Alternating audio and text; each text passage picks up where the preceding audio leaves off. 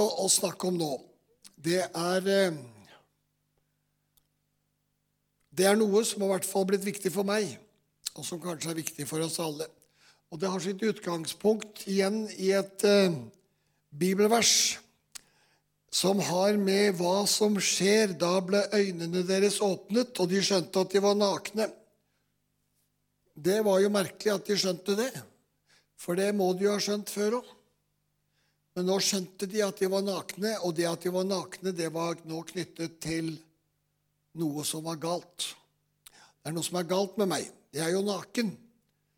Og eh, ja Og dermed så hadde de altså fått se noe som de ikke trengte å se.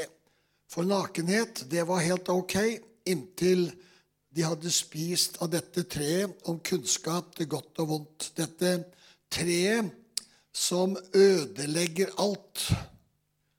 Eh, fordi at det bringer mennesket inn i en situasjon det ikke var ment å være i. Og det begynner, mennesket begynner å tenke rett galt, synd og alt dette her som kommer som en følge av det.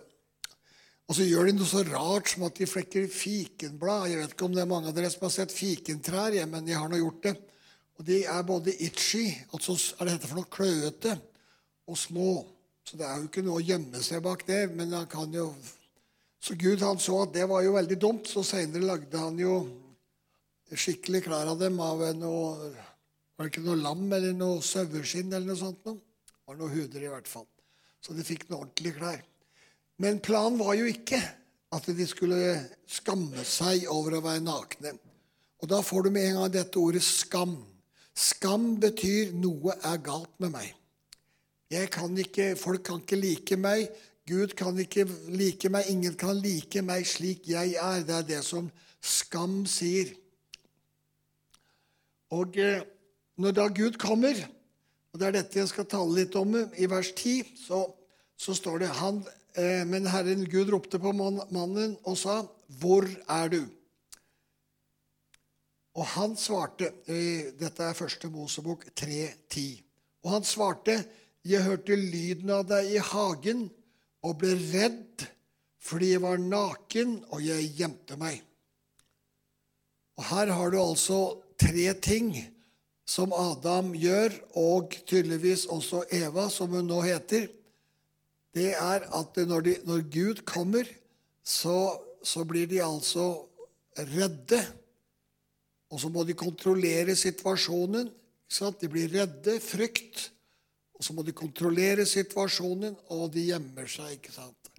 Altså det vi kaller frykt og kontroll. Skammen fører til frykt, og den fører til at du må kontrollere slik at ingen oppdager hvem vi egentlig er. Så det har jeg da sett på i mitt eget liv og forstått at det er noe av tragedien som vi mennesker er kommet inn under. Jeg har lyst til å snakke litt om det. Og jeg har lyst til å liksom prøve å illustrere det. da. Dette skulle vært en hel sirkel, og det ble det jo nesten. Og så er det en sånn. Så er det en sånn. Og det som skjer, er at eh, et menneske får frykt. Ble dette frykt? Så må man kontrollere situasjonen. Og det, er dette vi, som da fører til skam. Altså man skammer seg. Noe er galt med meg. Skam, trykk, kontroll. Eh, det er, det er liksom denne vonde sirkelen som eh, mennesket kommer inn i. Og eh, man kommer ikke ut av det uten videre. Det som er Saken er at dette har vi mer eller mindre med oss alle sammen. Og det fører til at for å beskytte oss så ender vi opp med det jeg kaller en falsk identitet. Åssen ble dette? Identi... Blir det bra nå? Dette ble altfor mye vei. Identi... Ja, det ble ikke så veldig galt hvis du sier at dette er en E. Det er ikke norskundervisning vi driver med, altså. Så det er falsk identitet. Det er et slags skall som omgir oss. Og det som det gjør, er at det skjuler vår sanne identitet. Og det er akkurat dette som er det første mennesket gjør når det har syndet. Det tar og opplever skam, og så må de kontrollere situasjonen, for de blir redde. Fordi man tenker umiddelbart 'jeg er ikke bra nok'. Det er noe galt med meg. Jeg må være perfekt, og fordi jeg ikke er perfekt, så vil ikke folk like meg. Og dette er det budskapet som vi alle sammen får tidlig i livet. For når vi blir født, så har vi en sann identitet. Vi er akkurat det mennesket Gud vil vi skal være. Og jeg husker på den første A-skolen som vi hadde her i 2004, så sto James Jordan her, og så sa han følgende You're not the person God created you to be, sa han. Jeg tror vi tolket den gangen, så det var sannsynligvis jeg som sto og tolket. Og så sa jeg du er ikke den personen Gud har skapt deg til å være. Så tenkte jeg hvem i alle dager er jeg da? Men så sa han ikke bare det. Han sa etterpå så sa han du er ikke den personen Gud skapte deg til å være. Og så tok han en pause, og så sa han ennå. Ennå. Med andre ord det han snakket om, det var faktisk at vi er omgitt av en falsk identitet pga. skam, frykt, kontroll. Og den personen som var skjult innenfor dette skallet, den var enda ikke kommet ut i sin fullhet, i sin fylde. Og dette har jeg jobba mye med. Fordi jeg oppdaget veldig sterkt for en åtte-ti år sia at eh, jeg var jo skambasert. Mitt liv var skambasert. Og så tenkte jeg men jeg har hatt ok foreldre og mor og far. Ok søsken. Ikke alle verst på skolen. Og egentlig hatt, hatt et relativt, greit liv. Jeg husker jeg skulle skrive mine memoarer. Jeg var på sånn pastoralklinisk sjelesørgkurs på Modum Bad nervesanatorium. Ser Karsten fikk helt hakaslepp når bare hører navnet. Det er så langt du, som hele, et helt år. Men, men jeg, jeg, var blitt anbefalt av Karsten Isaksen om å dra dit, så jeg gjorde det. En god venn av meg. Så, så der lærte jeg eh, noen, noen eh, vesentlige ting. Hva var det jeg lærte der, da?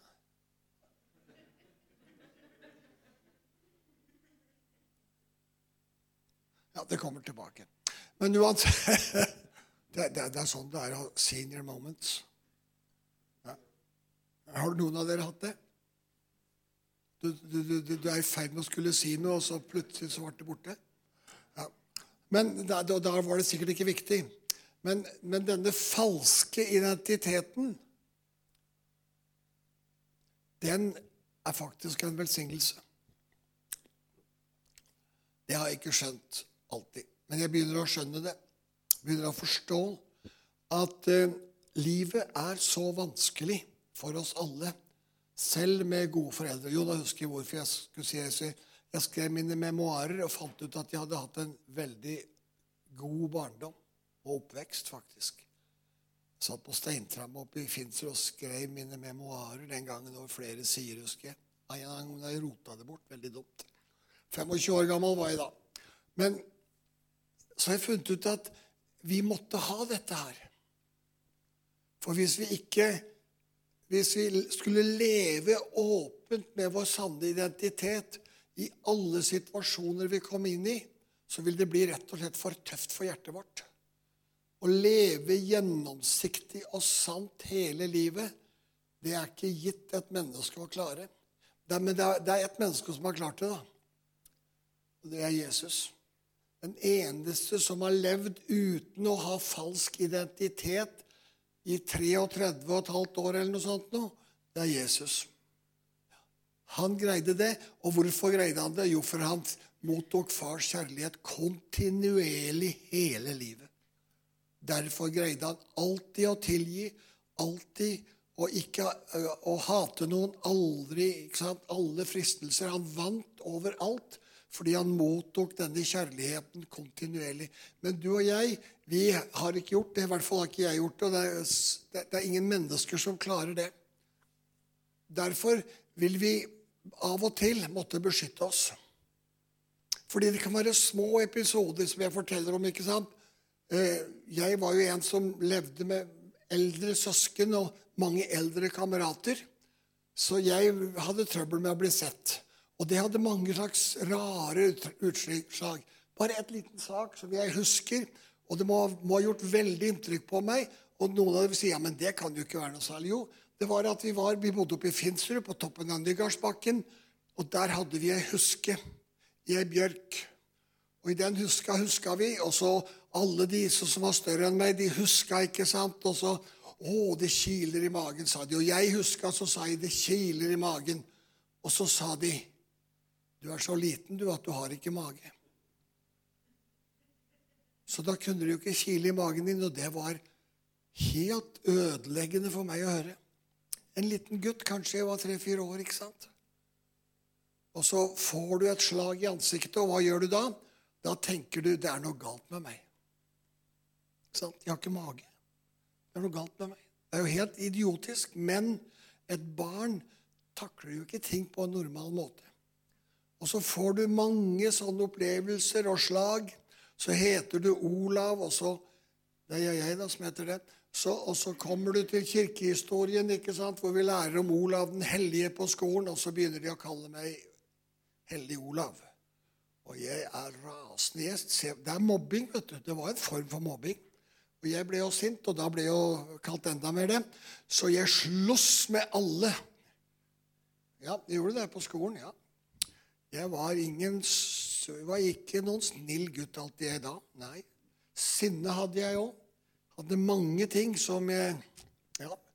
Men, men også sloss jeg med broren min, og mange av dere kjenner historia som virkelig satte seg i meg. At jeg sloss med min bror, to år eldre enn meg, og hele tida ble lagt i gulvet med underholdning av mine foreldre og besteforeldre og eldstebror.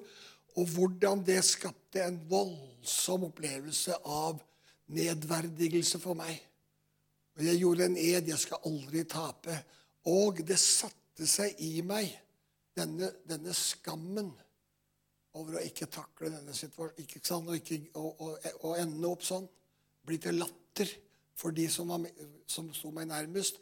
Og at min far ikke så hvor vondt det var for meg å grepe inn. ikke sant? Små ting, vil du si. Men da jeg kom til Toronto i 2001, så var det den episoden som var tømmerstokken som sto som en floke over elva, som gjorde at ingen, intet tømmer kunne renne videre.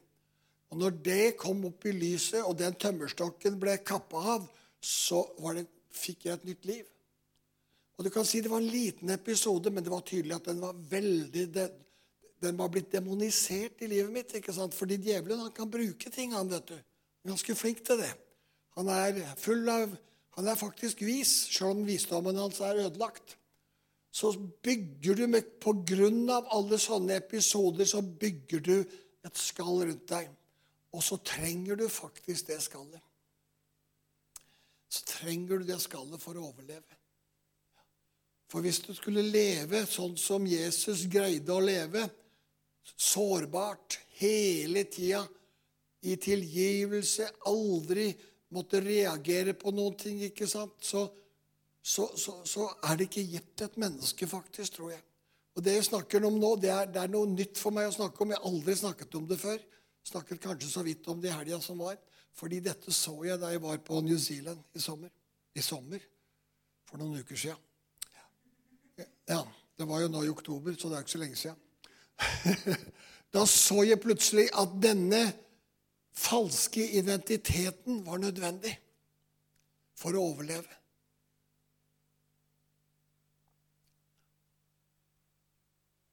Men hvordan skal jeg bli kvitt den?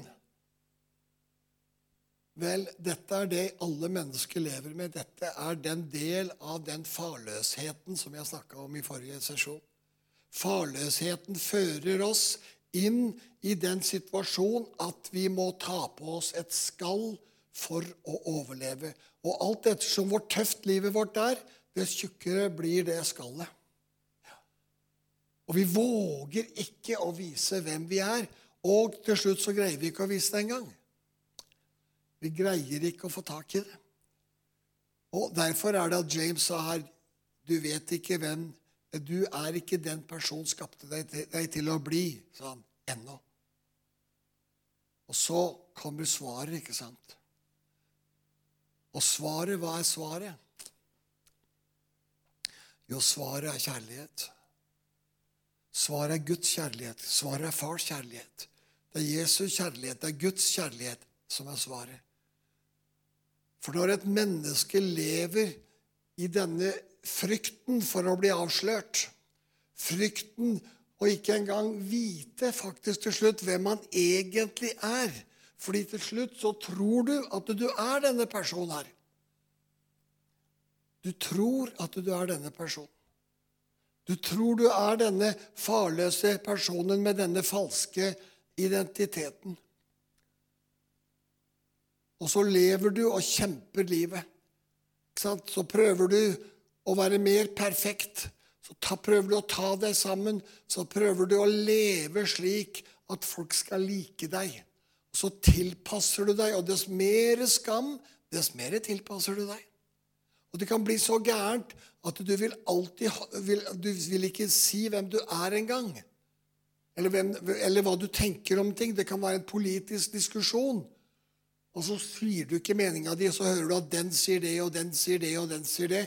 Og så finner du ut hva de fleste mener, og så blir du enig med dem. Det er sånn demokratiet fungerer. Fungerer ut fra falsk identitet, ut fra skam. Men det er bra. Vi har demokrati, ikke noe annet, altså. Men det er ingen det er, ikke, det, er ikke, det er ikke guddommelig. Demokrati er ikke guddommelig, altså. Bare så vi har sagt det. Nei, det bygger akkurat på dette her. Og dess flere som mener det samme, dess flere er det som blir enige med dem som mener det samme.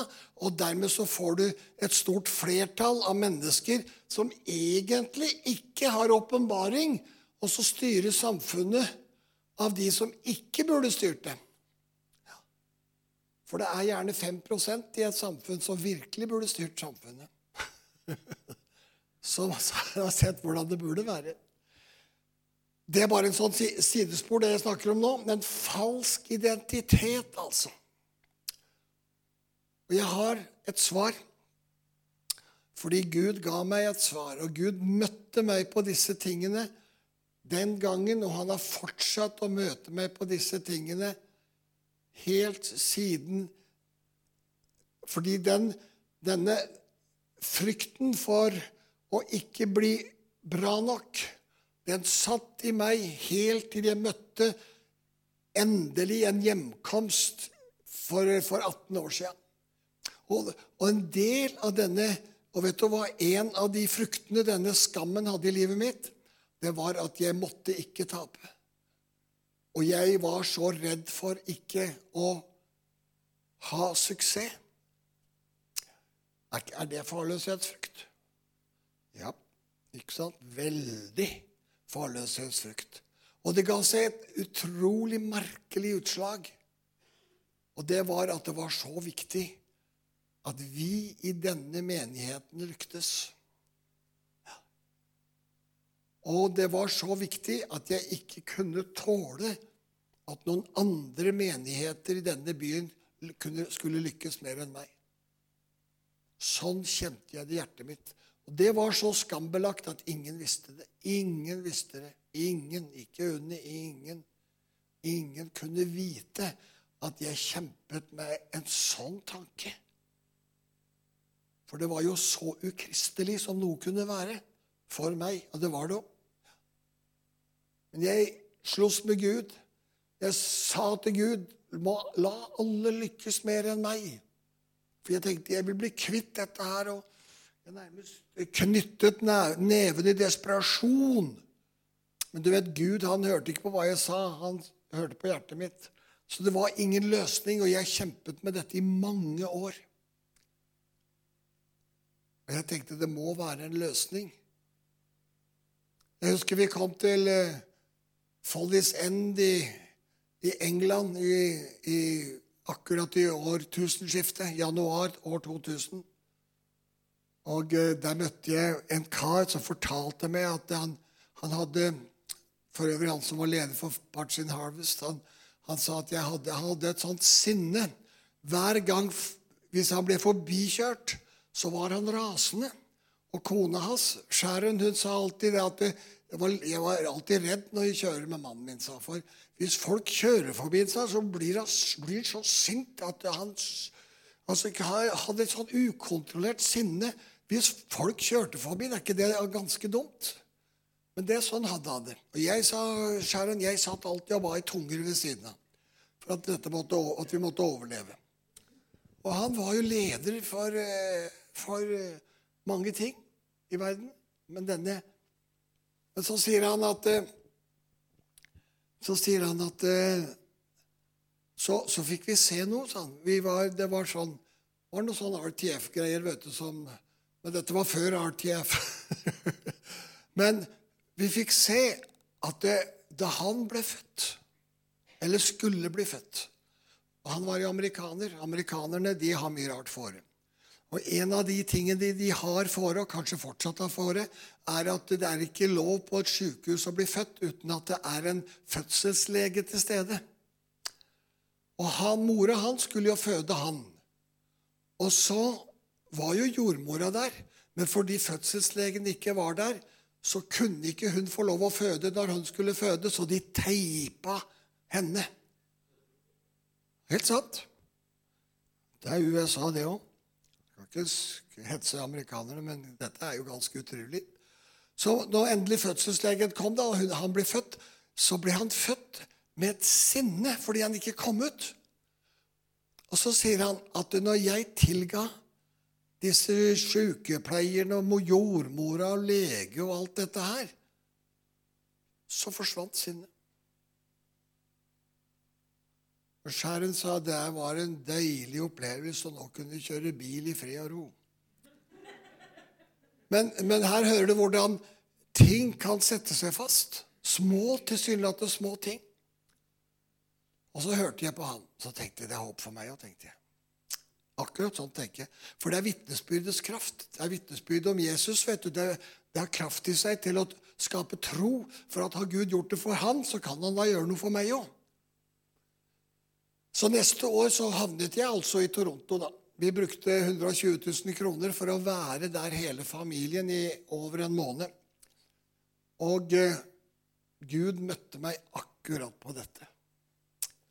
Og hva var, hva, hva var, det, hva var tømmerfloken hos meg? Jo, det var altså denne episoden med min bror. En uskyldig ting. Jeg har snakket med Håvald om det selv. Uff, var det så ille, dette? liksom? Han husker det ikke engang. Jeg hadde jo ikke noe med deg å gjøre. Så. Det, dette var meg, og egentlig også litt med vår far, som ikke hadde skjønt hva som foregikk. Men uansett, altså når, når, når, jeg fikk brutt det der, så hadde jeg en hjemkomst.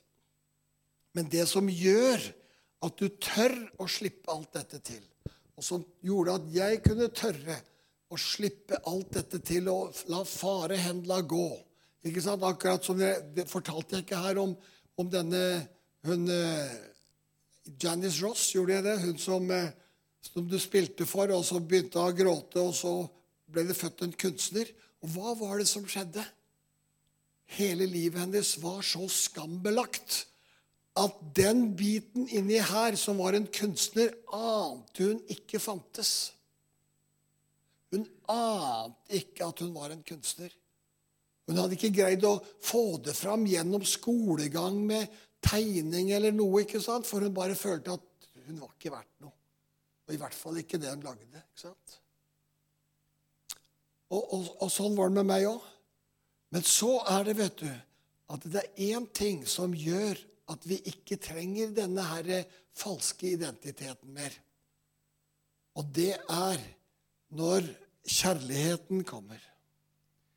Når kjærligheten kommer Vet du, var litt dårlig denne pennen her, men når fars kjærlighet kommer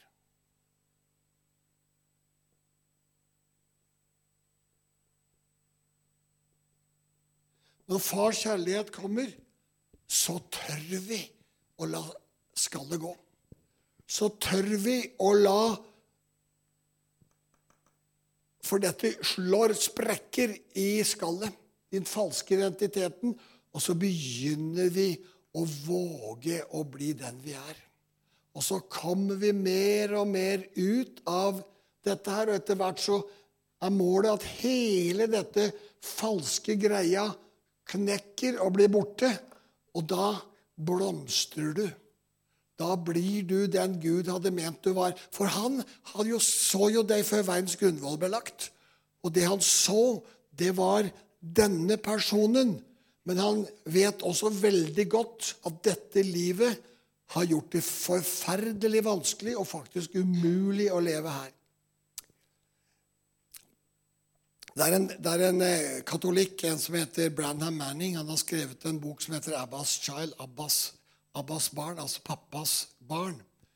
Og han, han beskriver dette falske identiteten. Og så sier han, 'Takk for at du var der', sier han. 'Takk for at du var der og beskyttet meg'. Og så sier han, 'Men nå', sier han, 'nå trenger jeg det ikke mer'. Nå kan du gå. Ha det bra. Jeg trenger ikke dette mer, for nå har jeg erfart kjærlighet. Fars kjærlighet. Det kunne ha stått Jesus kjærlighet og her. Den hellige ånd, kjærlighet. Jeg har erfart kjærlighet, så nå trenger jeg ikke alt dette her. La forsvinne. Og så kan de få lov til å være den jeg egentlig er.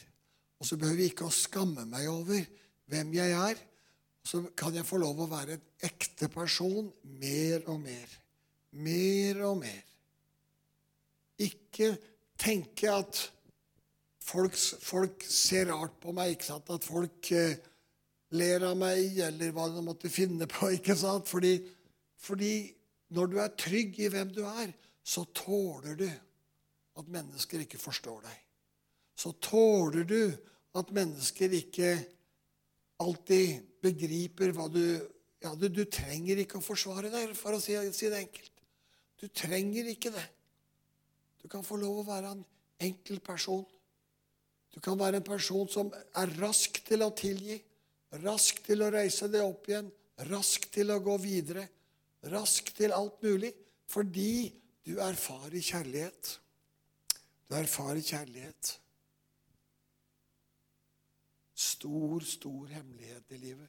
Og dette er for meg den viktigste frukten, i hvert fall den tydeligste frukten i mitt liv, av hva fars kjærlighet har gjort.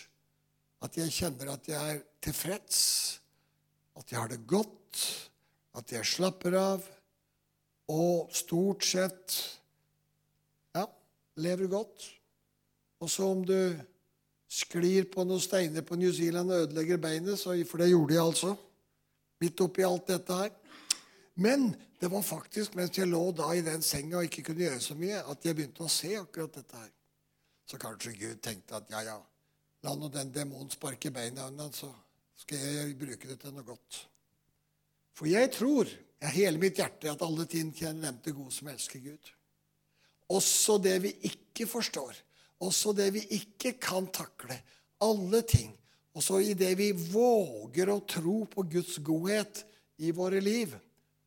Og så, så, så blir ikke det som djevelen prøver å ødelegge, så får vi omfavne det også. Fordi du, når alt kommer til alt, skjønner du, så er djevelen Guds tjener. Det høres eh, voldsomt ut. Det er ikke en typisk trosbevegelseslære. Men, men du vet, fordi Gud elsker oss. Og han ser vår nød. Han ser hva vi kjemper med. Han ser hva vi ikke får til. Han så hvor desperat jeg var. Og han så at jeg var så desperat at når jeg lå under dette flygelet Det sto et flygel her en gang i tida. Og, og hver mandag så soka vi en time, noen av oss. Og jeg lå, la vi alltid under det flygelet, for jeg likte ikke disse lampene. Det gjør jeg i grunnen ikke fortsatt. Jeg syns liksom at de er altfor sterkt lys. Ja. Så en av de tingene jeg har gjort, er at jeg har vært med å ta ut Du ser det at det er bare halvparten. Her tok vi ut alt. Fordi at det er altfor mye lys her til å liksom ha det litt lunt. Men så jeg lå under dette flygelet, da. For da fikk jeg hvile øynene. ikke sant? Fordi selv om du lukker øynene, så Ja, lys er lys. Så, så da var det at Gud sa til meg ta familien din og dra til Toronto en måned. sa han.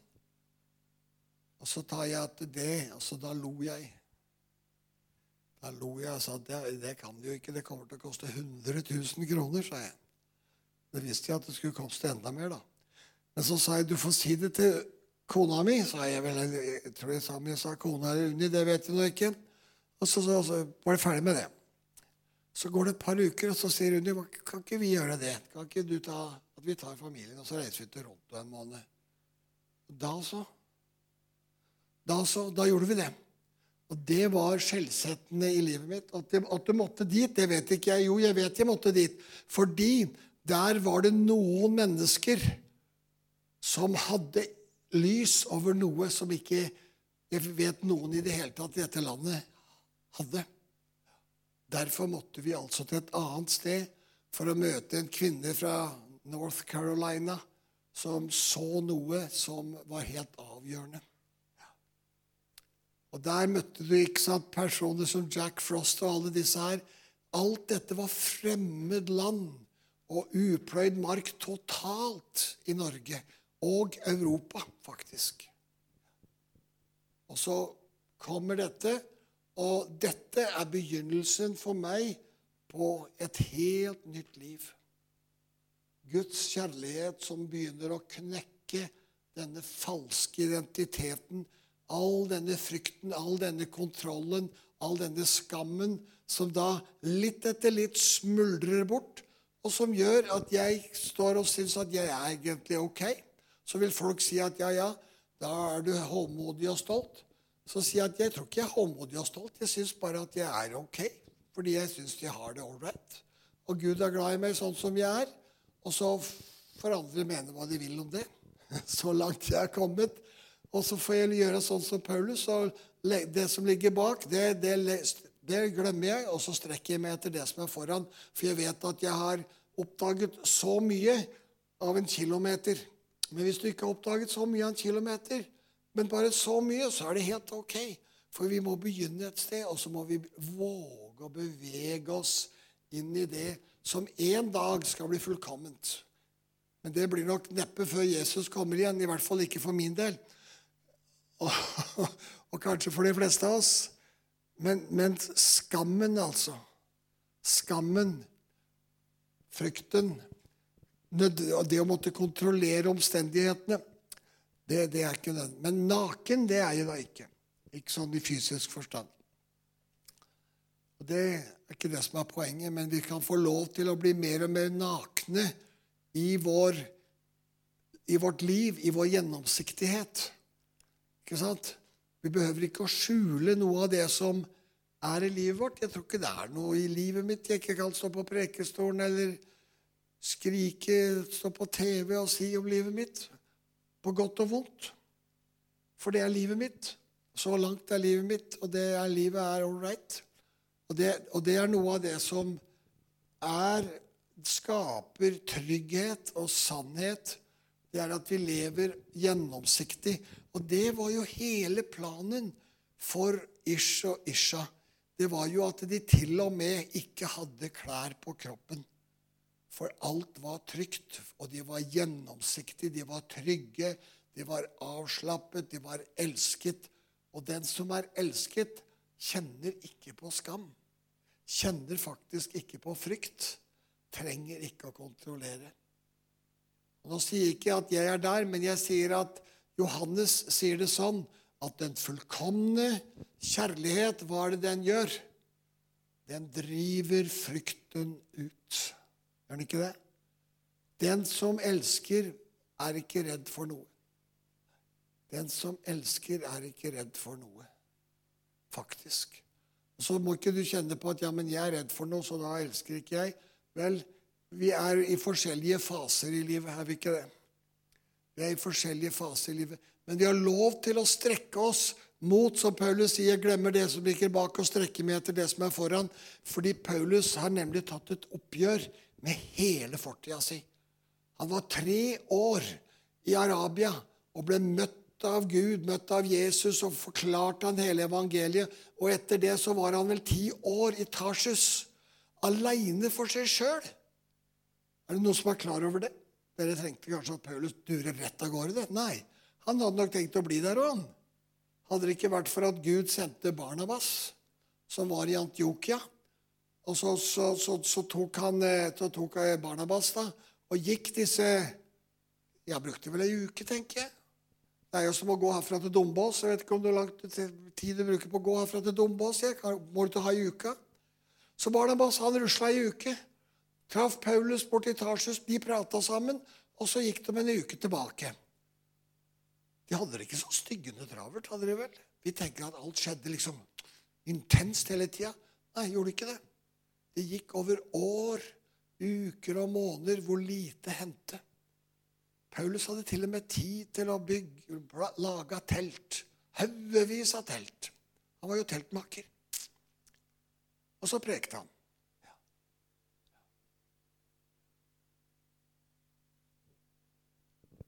Så dette er eh, dette er eh, viktig for meg å, å, snakke om.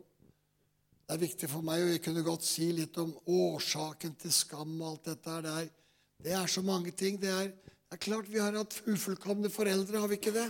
Mer eller mindre. Og, og, til og med å vokse opp i et kristent hjem kan være et problem.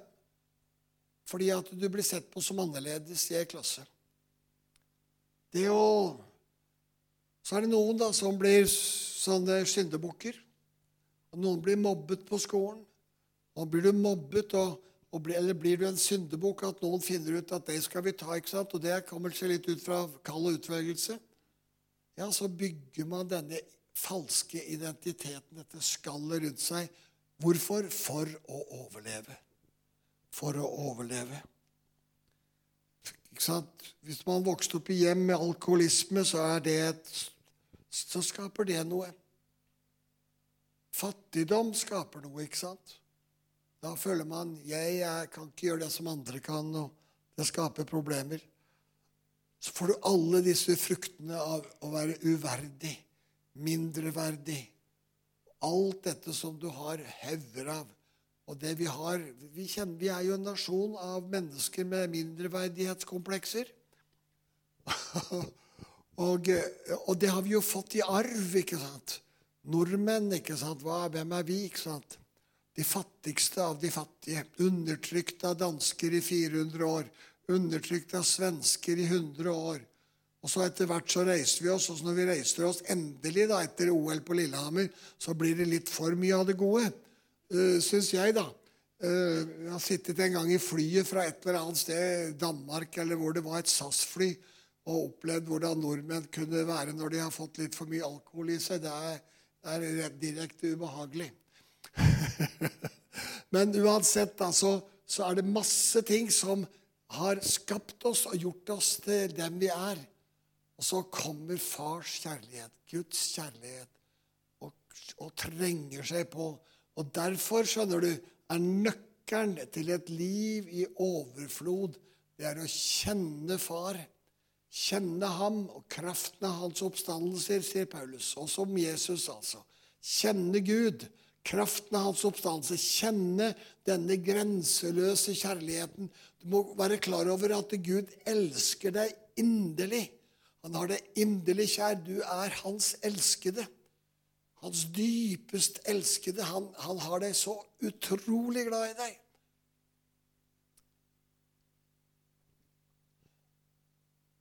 Den 21. desember for noen år siden så satt jeg i stolen min, som jeg ofte gjør, og ser utover Mjøsa. Og så leste jeg Salomos høysang, som er verdt å lese, altså. Og, og særlig den nye bibelen på engelsk, på Passion-oversettelsen, hvis du kan engelsk. Og Da leser jeg det ikke som en kjærlighetshistorie mellom Salomo og Abishag, eller den sunaminittiske kvinnen, men jeg leser det som en kjærlighetshistorie mellom meg og Jesus.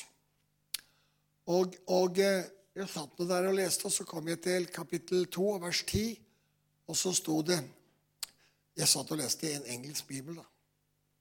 Så sto det 'Come, my beloved, come'. Kom, min elskede, kom. Og Det eneste jeg gjorde, det var at jeg sa, 'Ja, far, nå kommer jeg til deg'.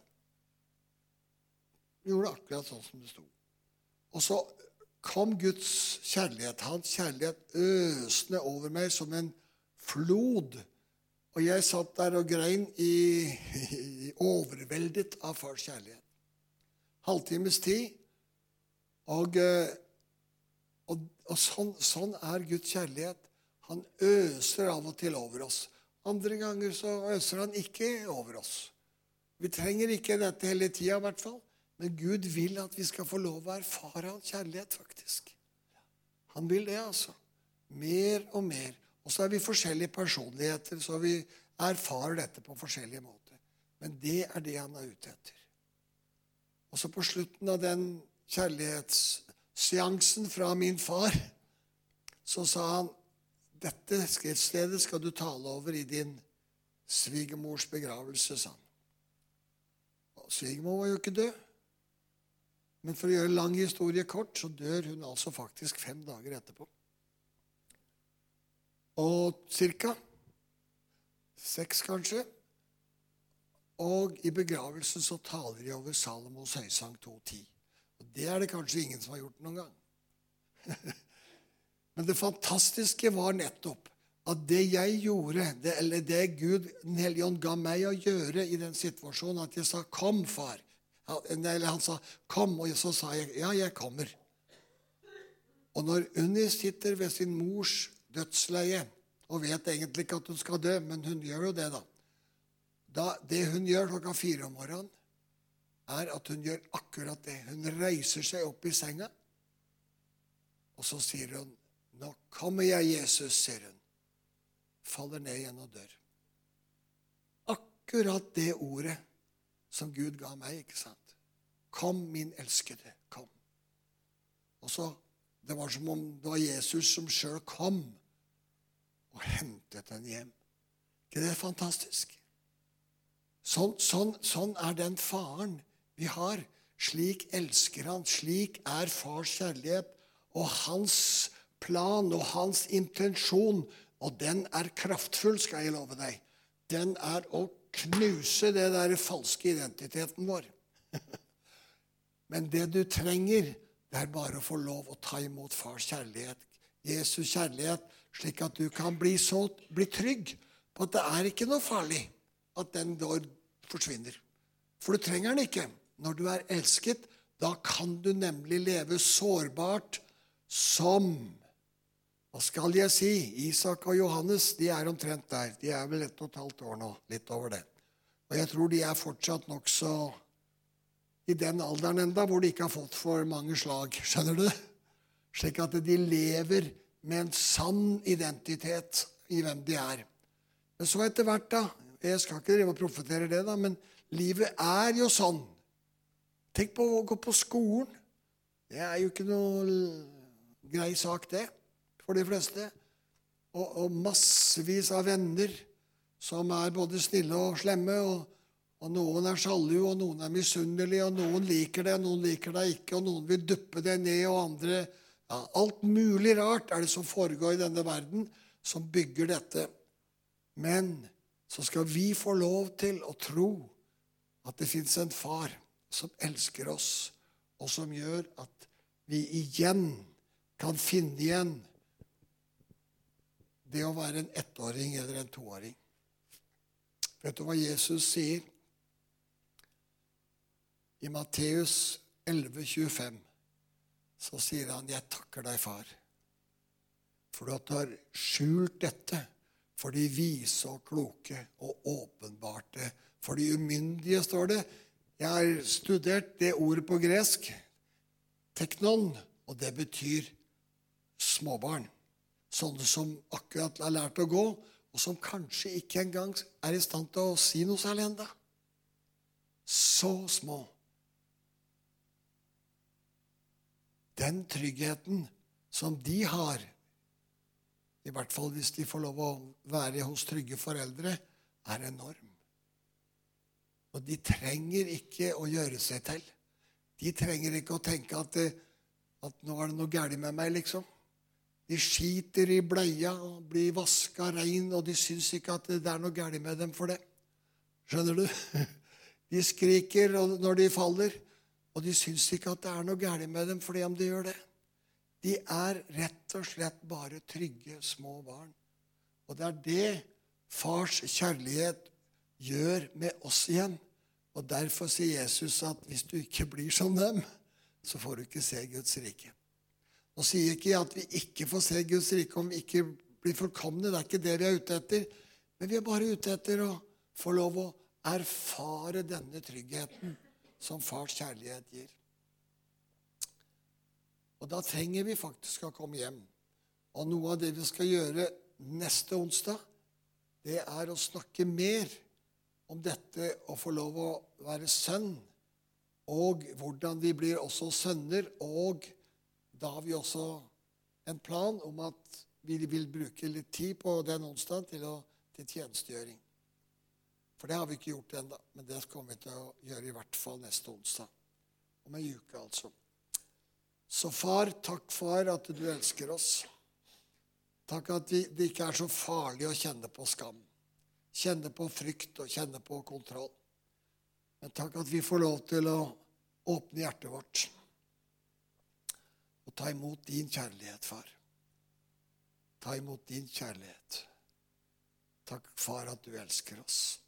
Takk at du sendte Jesus til å dø på et kors lidelse og død for din egen sønn som en demonstrasjon på hvor mye du elsker oss.